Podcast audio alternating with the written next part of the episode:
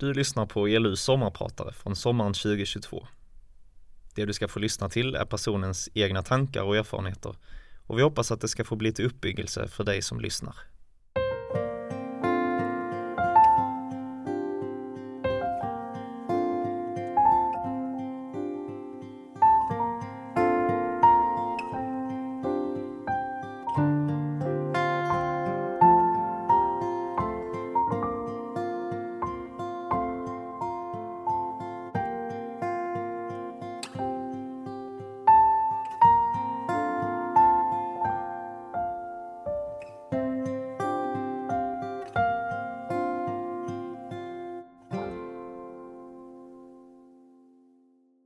Jag var sju år när jag fick en fråga som skulle komma att förändra mitt liv. Kanske inte själva frågan i sig, men den kom att bli startskottet för det liv jag lever idag. En enkel fråga ställd av en vän till en annan vän. Vill du följa med på barnläger på Strandhem?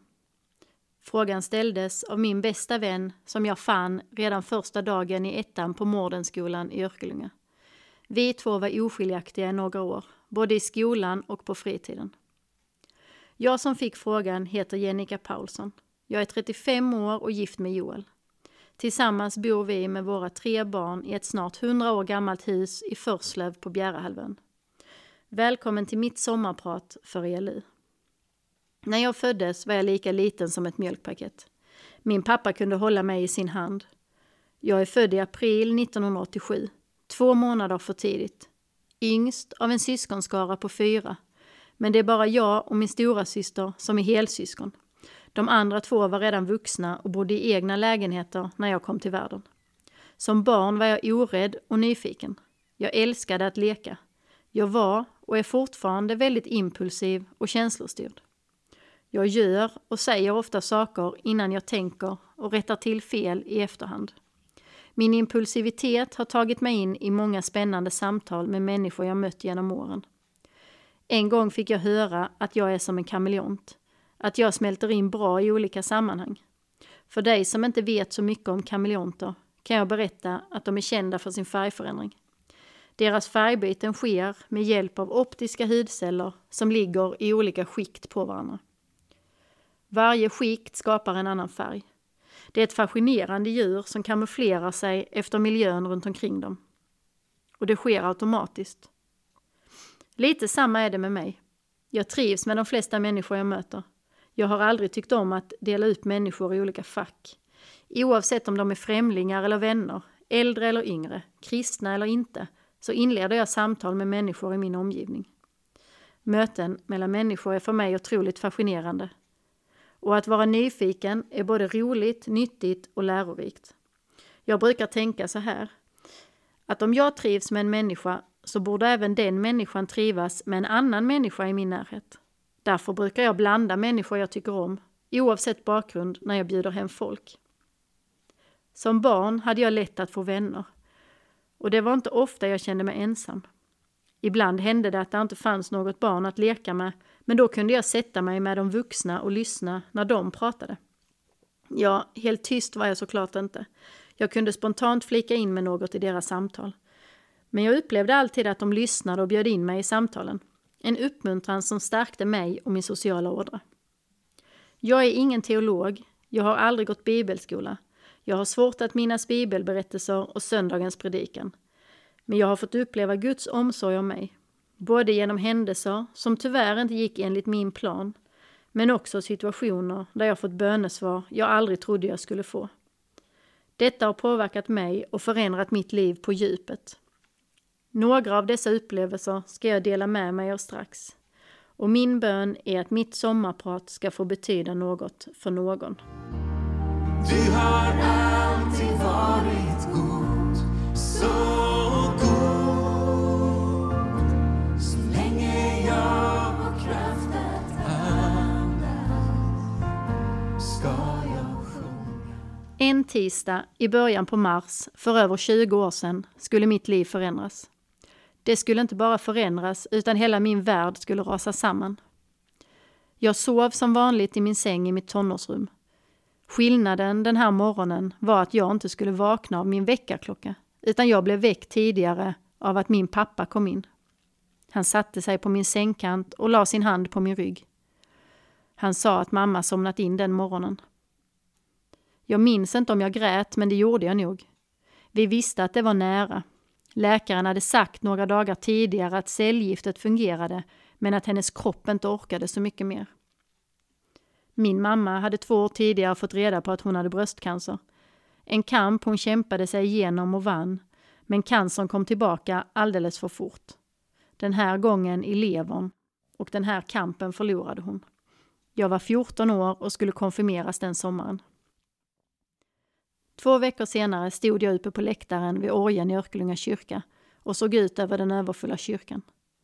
Där framme låg min mamma i kistan som omgavs av mängder av blommor i alla olika färger. Tårar föll längs min kind. En av mina mostrar kom upp bredvid mig och jag minns att vi kramades. Strax därefter började kyrkklockorna ringa och vi tittade på varandra. Vi tog varsitt djupt andetag. För vi visste att det alldeles strax var dags för oss att ta första tonen på Jag har hört om en stad ovan molnen.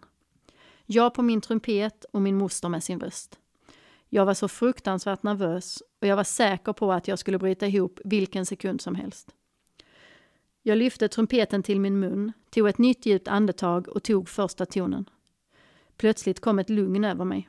Jag kan inte riktigt beskriva känslan mer än att det kändes som om jag blev omfamnad. Allt runt omkring mig blev suddigt.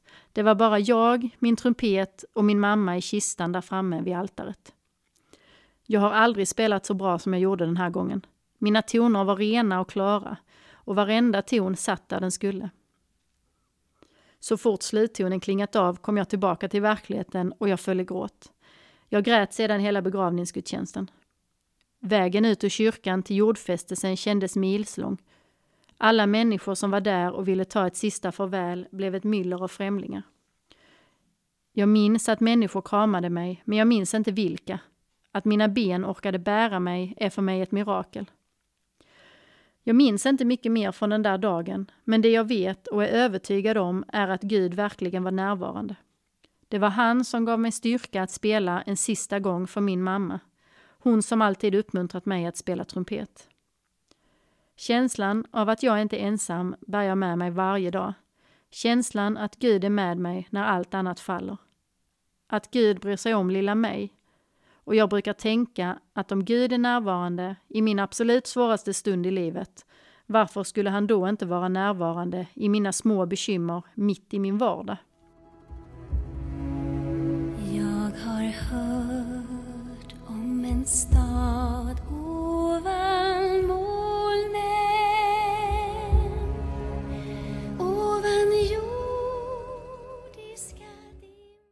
Jag har egentligen aldrig skämts över att vara kristen. När jag möter nya människor försöker jag vara öppen med vem jag är och att jag tror på Gud. Min tro är en del av mig. Känner du till berättelsen om fotspår i sanden? Så känner jag det ofta. Att Gud vandrar med mig genom livet och när jag i vissa perioder inte orkar gå själv, då bär han mig. Men vägen dit har inte varit helt lätt och vägen har inte varit spikrak. Jag har många gånger brottats med hur jag ska leva som kristen. Jag kan fortfarande tvivla på om jag räcker till, om jag ber tillräckligt mycket, läser jag Bibeln för sällan, återspeglar jag Guds kärlek till människor jag möter. Idag vet jag av hela mitt hjärta att jag är värdefull och högt älskad, men det har inte alltid varit så. I perioder har jag tänkt att jag inte räcker till som kristen. Vad jag baserat det på har handlat om yttre omständigheter och inte vad jag egentligen känt och känner i hjärtat. Dessa tankar började redan i tonåren, strax efter konfirmationen. Det var första gången jag insåg att jag i princip var ensam bland mina konfakompisar och andra kristna ungdomar jag umgicks med om att inte ha släkt inom ELM. Något som jag aldrig tänkt på när jag varit på barnläger, men som helt plötsligt blev verklighet på ungdomsläger. Kanske berodde det på att jag åkt på barnläger i byn jag vuxit upp i och att jag nu var i ett större sammanhang med fler människor från hela södra Sverige. Eller helt enkelt för att jag blivit äldre. Det var ingen på lägren som kände mina föräldrar, kusiner, mostrar eller fastrar. Och även om vi var tajta i min släkt, både på mamma och pappas sida, så kändes detta aldrig tillräckligt.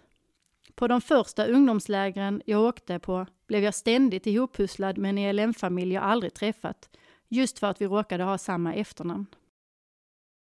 Men det är egentligen inte konstigt. Som människa vill vi hitta gemensamma nämnare och en samhörighet sinsemellan. Men när världsliga relationer blir viktigare än den samhörighet vi alla har i Kristus kan det bli så otroligt fel. För mig bidrog detta trots allt inte till att jag lämnade ELM och ELU, men det beror nog till stor del på att jag är så otroligt pratglad och älskar att lära känna nya människor. Jag hittade några av mina bästa vänner på läger. Hade det heller inte varit för att ledare inom ELU så tidigt trodde på mig hade jag nog gett upp för länge sedan. Jag själv, mina jämngamla och vuxna satte tidigt en stämpel på mig. Jag var Jennica från en icke-kristen familj. Detta blev nästan som en ursäkt som jag snabbt sa för att slippa svara Nej, jag har ingen familj inom ELM, när någon frågade. Då var det jag som hade kontrollen och slapp känna att jag inte riktigt var som alla andra. Ibland kunde jag till och med ljuga lite grann för att låtsas att jag visste vad KIS sommarmöte var innan jag själv varit där. Mest för att få känna att jag passade in. Idag vet jag bättre. Men tänk vad den enkla frågan jag inledde det här sommarpratet gjorde för mig. Vill du följa med på barnläger? En enkel fråga som drog in mig i en gemenskap där jag kunde vara mig själv. Jag följde med till hobbygruppen, till primkören och så småningom till ungdomsgruppen BG i Örkelljunga. En plats som betytt så mycket för mig och min tro. Där samlades 50 till 80 ungdomar från olika kyrkor och samfund varannan fredag i missionshuset. Vi lyssnade på föredrag, sjöng lovsång, bad och hade roligt tillsammans. Det är lätt att den kristna gemenskapen beskrivs med en hel del klyschor, men den, ihop med att jag är lite av en ja-sägare, har hjälpt mig att växa i min tro och som människa. Det var i juli, sommaren 2009. Jag var konfirmationsledare åt min barndomsväns lillebror. Ni vet hon som frågade om jag ville med på barnläger 15 år tidigare. Det var sju år efter min egen konfirmation och då också sju år sedan min mamma gick bort. Vi hade inte träffats på några år och när jag sprang på hennes mamma i hallen på Åhus missionsgård tårades mina ögon. Det var en innerlig glädje och jag vet inte om hon själv förstod att de få orden hon skulle komma att säga till mig skulle bli som en befrielse. Vi kramades och började småprata. Hon och min mamma var goda vänner och de brukade prata mycket och länge när de skulle hämta oss döttrar efter lek. Jag tackade för allt hennes familj gjort för mig och jag sa att det var tack vare dem som jag idag var kristen. Och jag var snabb med att fylla i med den ständigt återkommande frasen eftersom min egen familj inte är kristen. Jag glömmer aldrig hennes reaktion. Hennes ögon blev stora, munnen öppnades och hon såg förvånat på mig och utbrast bestämt. Men Jennica, Louise var väl ändå kristen? De få orden var så förlösande. Jag minns att det kändes som ett ok som lossnade från mina axlar. Där hade jag de senaste åren gått och satt stämpeln på mig att jag inte kom från en kristen familj, att min mamma inte var kristen, och jag hade liksom funnit mig i detta. Att min familj inte var som alla andra. Trots att min mamma bett aftonbön med mig och min syster varje kväll och gått till kyrkan vid alla storhelger på kyrkåret, så räckte till synes inte det. Och framförallt hade jag förlikat mig med att jag nog aldrig skulle få träffa min mamma igen. För det sa en gång en ledare till mig på ett ungdomsläger. Men nu, genom fem små ord, förändrades allt. Och helt plötsligt förstod jag att det varken är upp till mig eller någon annan människa att bestämma vilka som kommer till himlen eller inte. Eller om jag är tillräckligt kristen eller ej. Det vet bara Gud. Och vi kan tryggt vila i det, att hans nåd räcker. Jag vet att du älskar mig. Vi kan inget veta om imorgon. Men vi får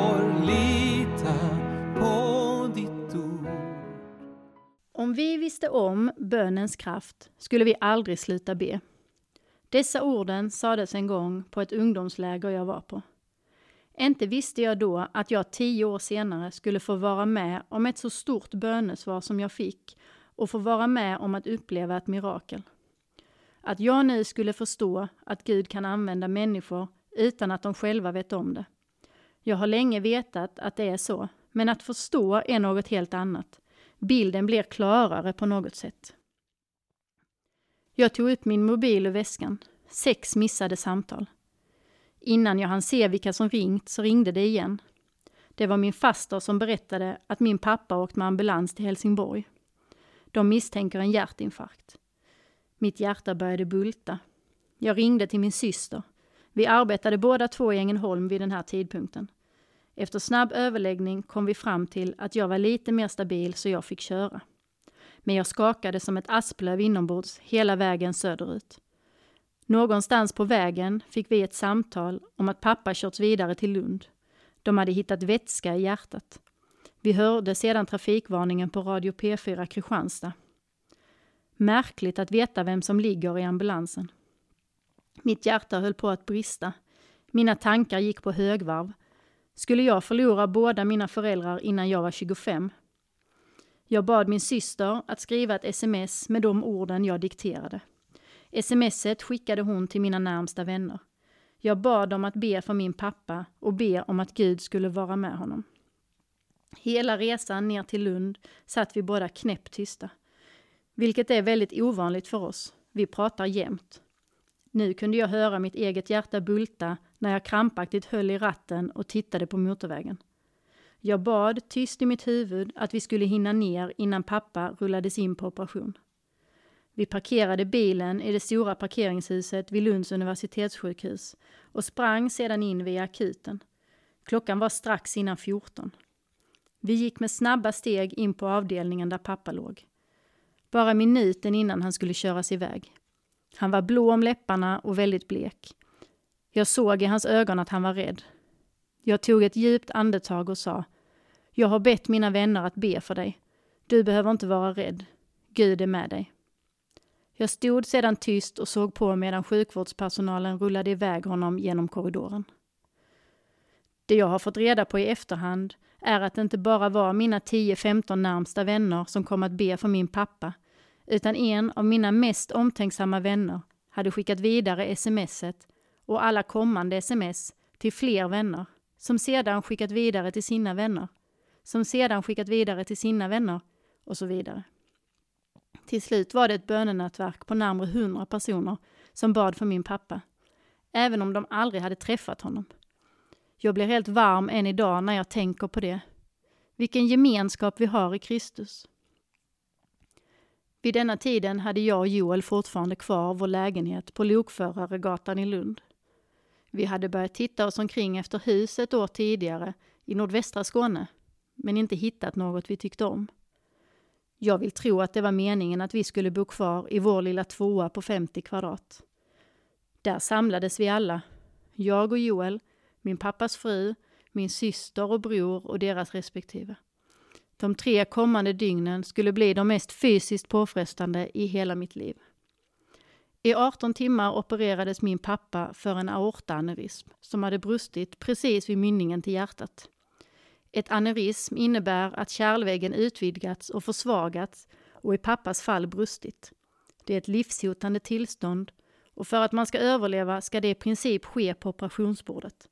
För min pappa hände det i köket i Örkelljunga vid klockan åtta på morgonen. Jag har lärt mig mycket från den här tiden. Inte bara om allt som rör operationen, intensivvården och att det alltid är den mest erfarna läkaren som opererar utan också har jag fått förstå att Gud kan använda en annan människa utan att denne vet om det.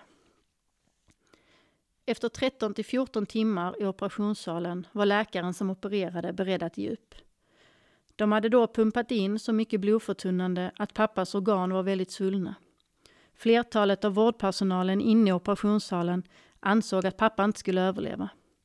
Men trots vad de andra tyckte så fortsatte läkaren att operera och i efterhand har han beskrivit sitt val så här. Det var som att någon sa till mig att fortsätta. Jag var inte redo att ge upp och därför fortsatte jag operera även om det mest logiska varit att avsluta. Min pappa låg sedan nersövd i ytterligare två dygn för att svullnaden skulle gå ner och för att blödningen skulle upphöra. Det är tydligen ett måste för att det skulle kunna stänga bröstkorgen. Vi besökte pappa varje dag, men det var känslomässigt svårt. Läget var inte helt stabilt och vi visste fortfarande inte hur det skulle gå. Men fas 1 var i alla fall avklarad. Det låter kanske konstigt, men jag visste inte om jag skulle tacka Gud eller läkaren tills jag insåg att jag såklart kan tacka båda. Tolv timmar innan den planerade rutinoperationen skulle ske så öppnade Joel sin konfirmationsbibel.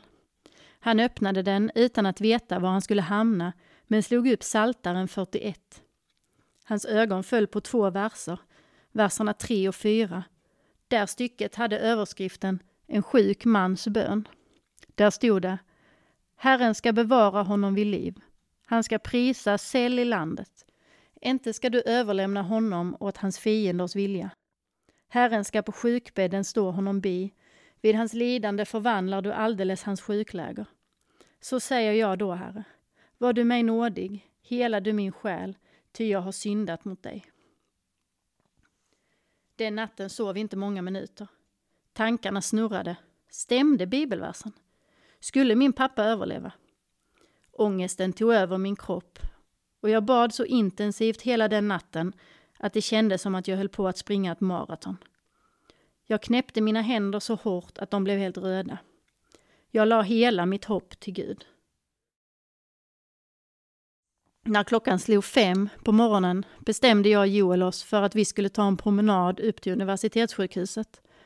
Det var kyligt och det småduggade, så vi bestämde oss för att ta skydd i ett rökskjul nedanför den avdelningen där pappa låg. Där satt vi en stund innan vi bad högt. Gud, stoppa blödningen så att pappa kan opereras idag. Sen gick vi hem. Några timmar senare var vi åter tillbaka på sjukhuset.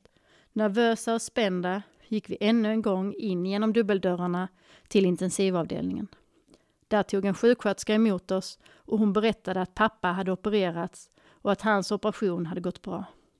Är han redan klar? frågade jag förvånat. Ja, han kunde rulla in på operation redan klockan åtta.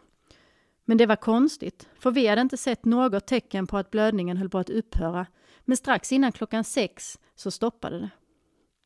Det blir inte mycket tydligare än så här. Om det enbart vore människor som fått bestämma hade min pappa inte överlevt. Jag tackar Gud varje dag för att vår önskan och hans plan var samma den här gången.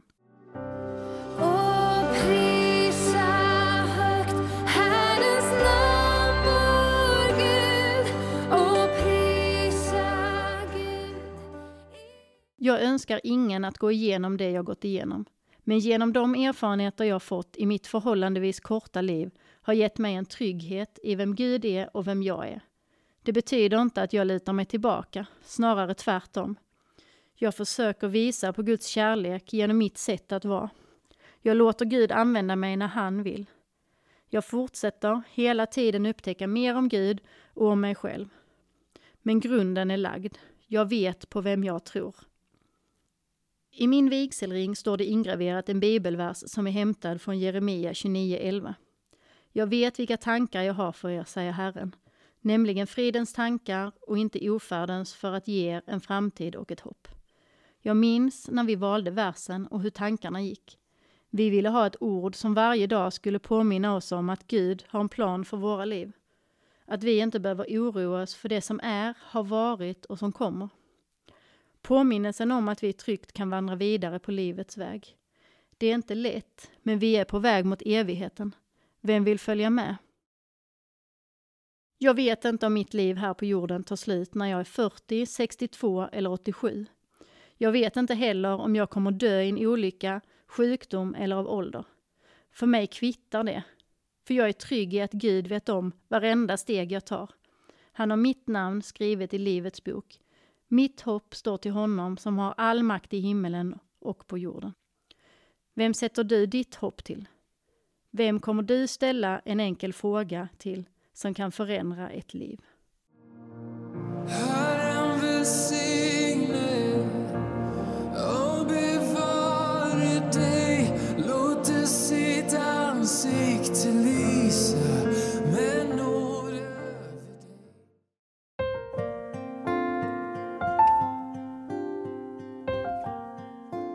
har lyssnat på ELU Sommarprat. Du hittar våra andra avsnitt i ELU-arkivet i din podcast-app, på Spotify eller på elungdom.se. Där kan du dessutom ge en gåva eller bli månadsgåvogivare till ELU. Tack för att du lyssnat och ha en riktigt skön sommar.